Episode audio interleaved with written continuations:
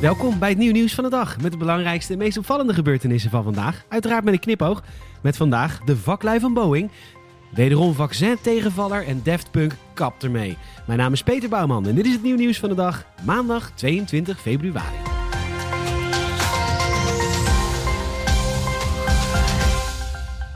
Het weer wordt mooier en het draagvlak voor de coronamaatregelen daalt. Wat kun je daaraan doen?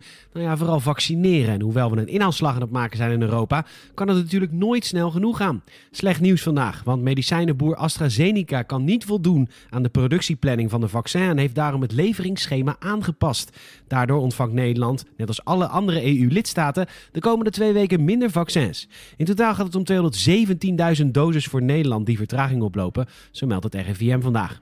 Ter compensatie komt er zondag 7 maart een extra levering van 211.000 doses zo meldt de fabrikant. Het RVM stelt dat de vertraging geen invloed heeft op het vaccineren, omdat de dienst een veiligheidsvoorraad achter de hand heeft. Wel kunnen in week 9 geen AstraZeneca-vaccins worden bezorgd bij de priklocaties van de GGD, GGZ en de huisartsen. Daardoor worden nieuwe afspraken voor de periode van week 8, 9 en 10 voorlopig niet ingepland. En dat is natuurlijk jammer. Maar ja, het is mooi weer.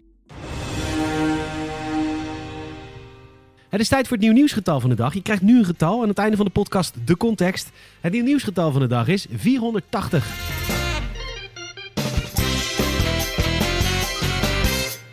Wat zijn er toch een vaklui bij Boeing? Na de lancering van de Boeing 737 MAX, een vliegtuig dat bijna feilloos was op de paar die uit de lucht vielen na dan, zijn er nu problemen met de Pratt Whitney 4000 motoren van de 777-lijn. Wees niet bang, deze vliegtuigen vallen gelukkig niet uit de lucht, maar af en toe wel een motor. Afgelopen zaterdag ontplofte een motor van United Vlucht 328 van Denver naar Honolulu. Bokstukken werden daarna over een woonwijk uitgestrooid. Verschillende veiligheidsinstellingen onderzoeken het incident waarbij wonderbaarlijk genoeg niemand gewond raakte. Wel richtten de brokstukken schade aan. Stukken van de motor belanden op sportvelden, in tuinen en vielen in sommige gevallen door het dak van huizen. United Airlines heeft al aangekondigd dat het zijn 777's met deze motoren voorlopig aan de grond houdt. En het Japanse ministerie van Transport beveelt ook alle binnenlandse vluchten met deze motoren te staken. Voor onze Nederlandse nou, trots KLM heeft het incident geen gevolgen. De maatschappij vliegt weliswaar met Boeing 777's, maar ze zijn niet voorzien van dit type straalmotor. Afgelopen weekend verloor ook een Boeing 747 enkele onderdelen boven het Limburgse Meersen. Ook dit was het gevolg van een explosie in de motor. Door de brokstukken raakte een vrouw en een kind licht gewond en ontstond er schade aan daken en auto's. Het gaat lekker met Boeing. Overigens zijn er beelden gemaakt van de in brand staande motor vanuit de 777. De beelden zijn te zien op nieuwnieuws.nl en echt fucking eng.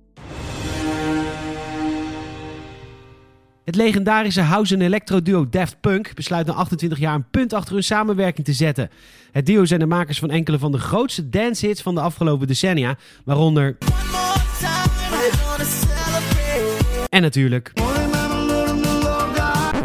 Oh, sorry, verkeerde. Uh, ik bedoelde...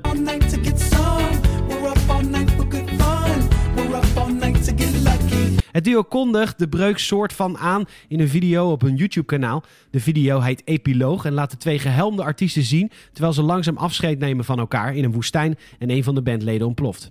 Een woordvoerder van het duo bevestigt de breuk tegenover Pitchfork. De reden voor de breuk wordt niet gegeven.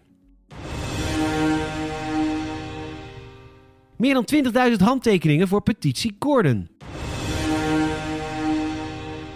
Door de sluiting van de horeca gaat er sinds maart vorig jaar een stuk minder bier naar de horecaondernemers en daardoor moeten Duitse brouwers heel wat liters bier door de gootsteen spoelen.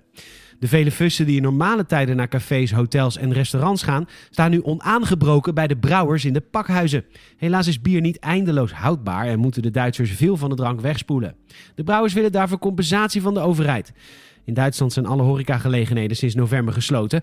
Dat raakt niet alleen horecaondernemers, maar ook toeleveranciers. De brouwers in het land hebben nu de handen ineengeslagen en vragen de overheid om ze weer op weg te helpen als de boel straks weer open kan. Niet alleen kleine brouwerijen vragen om hulp. Ook merken als Carlsberg, Pitburger, Paulaner en Krombacher doen een beroep op de regering. Brouwerijen hebben in één keer ontzettend veel verloren door de lockdown. En brouwers laten weten dat de verkoop van bier direct aan de consument het verlies niet kan compenseren. Het is overigens grappig dat Carlsberg ook om steun vraagt, omdat ze hun bier door de gootsteen moeten spoelen. Als je het drinkt zou je denken dat het uit de gootsteen gewonnen wordt. In Drenthe is de lente nu echt begonnen. Bij Ballo zijn inmiddels 20 lammetjes ter wereld gekomen. Een hitsig jong rammetje lijkt de oorzaak van de babyboom op het Balloerveld. Schaapsherder Marianne Duinkerker vertelt aan RTV Drenthe dat ze een verkeerde inschatting heeft gemaakt. Normaliter worden de ramlammetjes na een maand of zes of zeven bij de kudde weggehaald. Het ramlammetje liep nog zo druk te drinken bij de moeder dat ik dacht dat hij nog even bij de kudde kon blijven. Nou niet dus, want hij ging al flink van bil en de herder kwam er vorige week achter. Ik liep met de kudde over het veld en ik zag iets zwarts bij een ooi lopen. En ik dacht, wat grappig, die raaf die hopt vrolijk mee. Maar toen ik dichterbij kwam, zag ik dat het een lammetje was. Duinkerk heeft normaal gesproken een streng fokprogramma. En op die manier proberen ze het ras Drents heideschaap zo goed mogelijk in stand te houden. Missie geslaagd.